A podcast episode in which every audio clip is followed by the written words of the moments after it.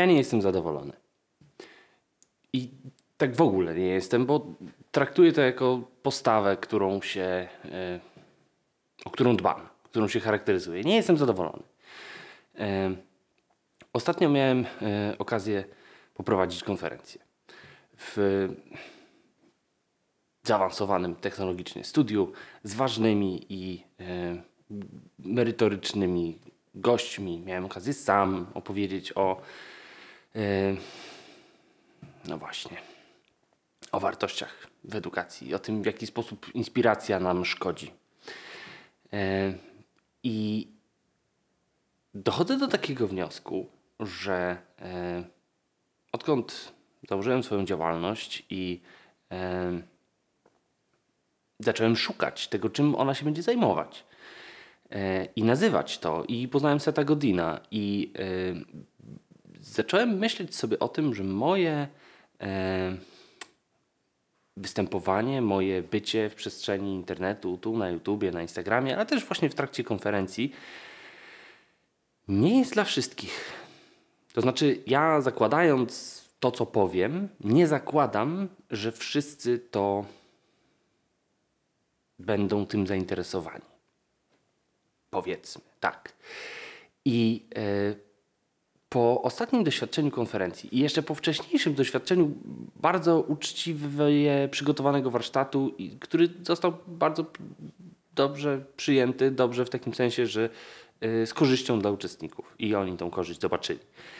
E, po tych y, doświadczeniach y, wydarzyła się jeszcze jedna rzecz związana z edukacją włączającą. I chyba o tym dzisiaj najwięcej.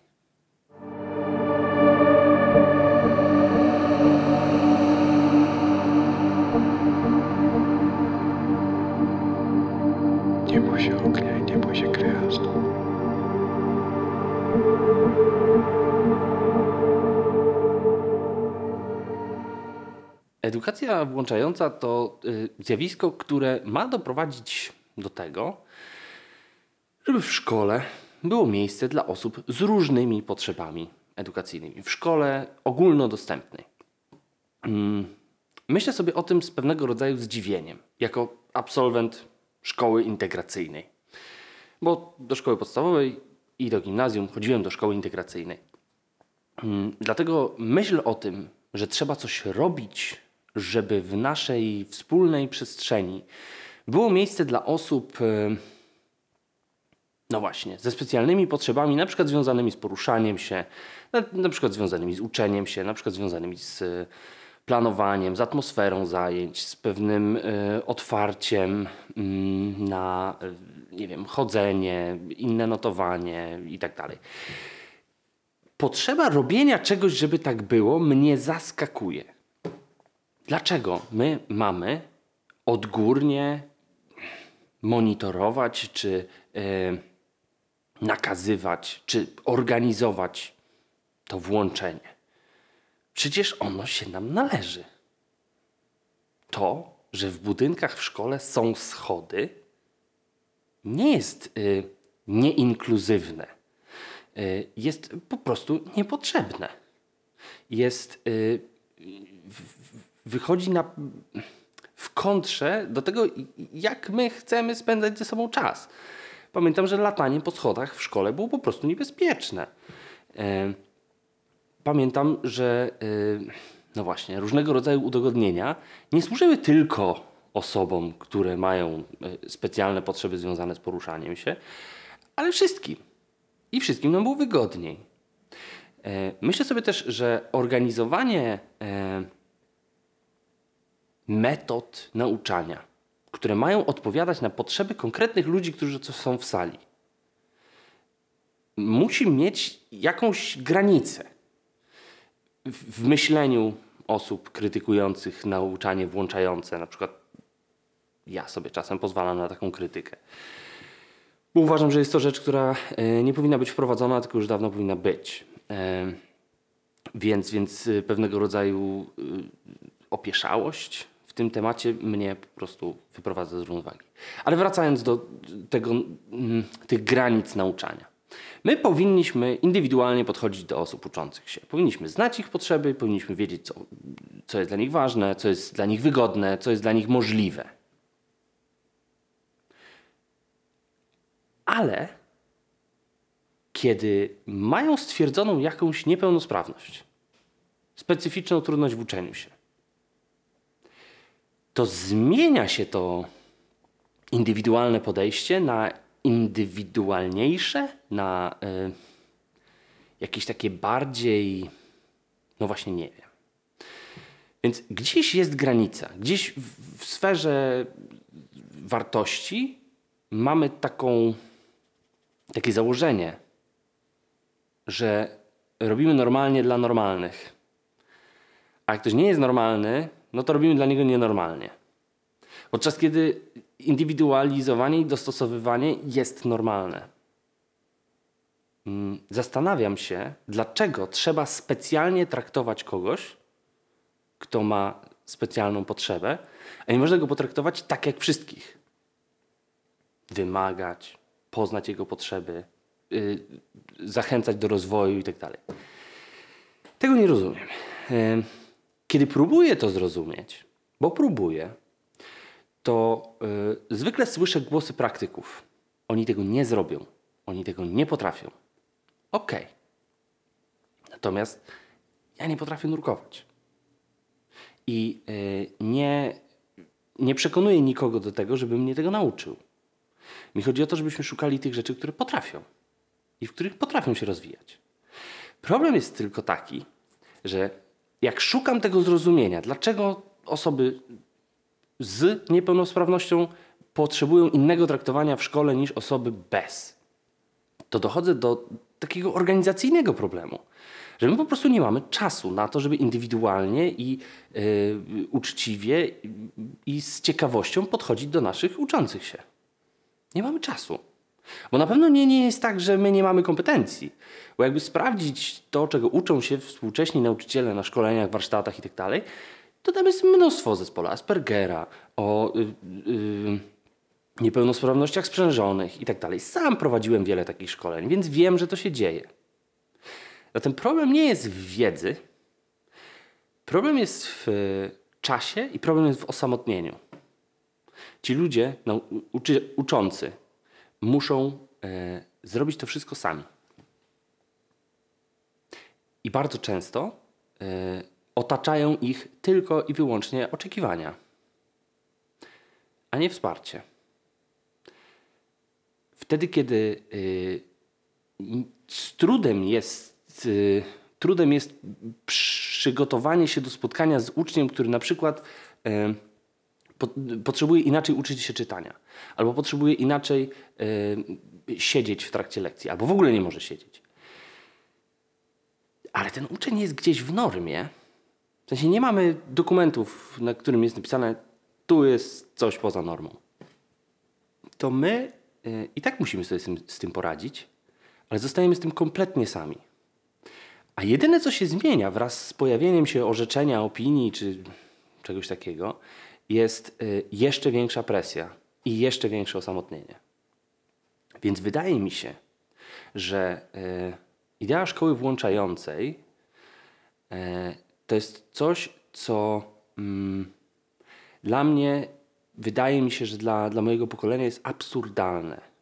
To już dawno powinno być. To, że my to wprowadzamy jak y, ciele na salony, to y, ten, ta feta dookoła tego jest kompletnie niepotrzebna. My się chwalimy, że robimy coś, co jest absolutnie normalne, jest absolutnie wymagane. I denerwuje mnie to zwłaszcza dlatego, że pojawia się krytyka edukacji włączającej, która mówi, że jest to e, pewnego rodzaju światopogląd. Lewacki jeszcze do tego.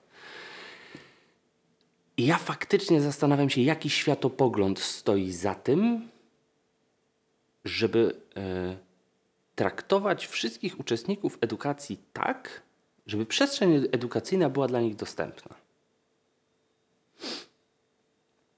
No gdzieś tam pod tym wszystkim musi być takie założenie, że wszyscy jesteśmy ludźmi. i bycie człowiekiem e, nie różnicuje nas pod względem godności i pod względem naszych e, potrzeb. Bo już nie mówię praw. Potrzeb. Zatem to nie chodzi o to, żeby włączać osoby, które mają specjalne potrzeby. Chodzi o to, żeby słuchać tych potrzeb i żeby zastanawiać się, czy my w tej szkole jesteśmy w stanie zrealizować potrzeby tego konkretnego ucznia. Uczciwie powiedzieć sobie, tego nie dźwigniemy, albo z tym sobie poradzimy.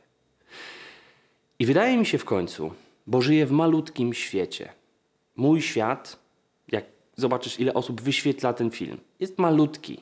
Tu nie ma dużo interakcji, tu nie ma komentarzy, tu nie ma za dużo yy, wymian. Rozmawiam z ludźmi, których dobrze znam, rozmawiam z ludźmi, którzy myślą w bardzo podobny sposób yy, do mnie, ale yy, chodzi o sposób myślenia, a nie o wynik myślenia. I yy, po doświadczeniach ostatnich ostatnie, ostatniego otwarcia i ostatniego takiego, y, bym powiedział, niezrozumienia też. E, tu w trakcie szkolenia, tu w trakcie warsztatu, tu w trakcie e, konferencji, dochodzę do wniosku, że e, refleksja na temat edukacji, taka jaką prowadzę, jest egzotyczna, nudna, nie porywa, nie buduje, nie buduje wielkiego napięcia. Wymaga tego, żeby ktoś, kto tego słucha, ty na przykład, żeby ta osoba miała w sobie y, swoją własną refleksję. I dopiero wtedy, kiedy dwie refleksje się ze sobą spotykają, jest szansa, że, że wyniknie z tego spotkania coś więcej. Natomiast jeśli ktoś przychodzi na spotkanie z czyjąś refleksją nieprzygotowany, to znaczy bez swojej refleksji, to to spotkanie jest dla niego bezowocne, niezrozumiałe, nudne. Ja to rozumiem. I tak jak mówiłem na początku, zakładając swoją działalność, dokładnie wiedziałem, e, z kim już nie chcę pracować. Wiedziałem, że nie poprowadzę już e, szkoleń z tablic multimedialnych. Bo nie. Bo mnie to nie cieszy. A mam wrażenie, że e, uczestnikom szkodzi. Więc widząc to, jak pojawia się krytyka edukacji włączającej, która dotknęła mnie bardzo mocno bo dotyka e, bliskiej mi osoby, która realizuje projekt z, właśnie związany z edukacją włączającą. Zobaczyłem, co się dzieje w tym świecie, w którym mnie nie ma. Zobaczyłem, e, przed czym próbuje się ochronić współczesną szkołę. I mam wrażenie, że to, przed czym najbardziej próbujemy ochronić uczących się, uczących, pracujących w szkołach. To, przed czym najbardziej próbujemy ich uchronić, to refleksja. Dajemy im metody, żeby się zamknęli, żeby się zatkali tymi wszystkimi metodami i przestali myśleć, a zaczęli tylko i wyłącznie robić. Dajemy im metody i kontrmetody i kłócimy ich między sobą, pod względem tego, kto jaką metodę stosuje, która jest zgodna z wartościami, a która nie. Refleksja idzie w piach, bo my dalej nie wiemy, po co my to robimy. To mam na myśli edukację. I w końcu myślę sobie o, e, o tym, jaką wrogość to budzi, jaki gniew budzi to we mnie i jak, jak ogromny gniew słyszę po drugiej stronie. E, I myślę sobie, że e, zamiast wchodzić w ten konflikt, zamiast kłócić się, zamiast udowadniać, że mam rację,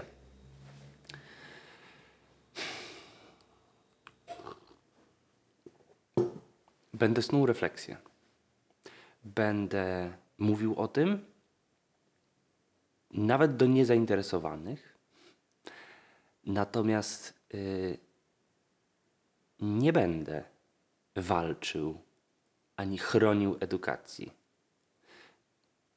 Będę ją e, robił i się nad nią namyślał. A ci, którzy uznają, że ich to interesuje, że chcą przy tym być, że ich to w jakiś sposób dotyczy, rozwija, zapraszam.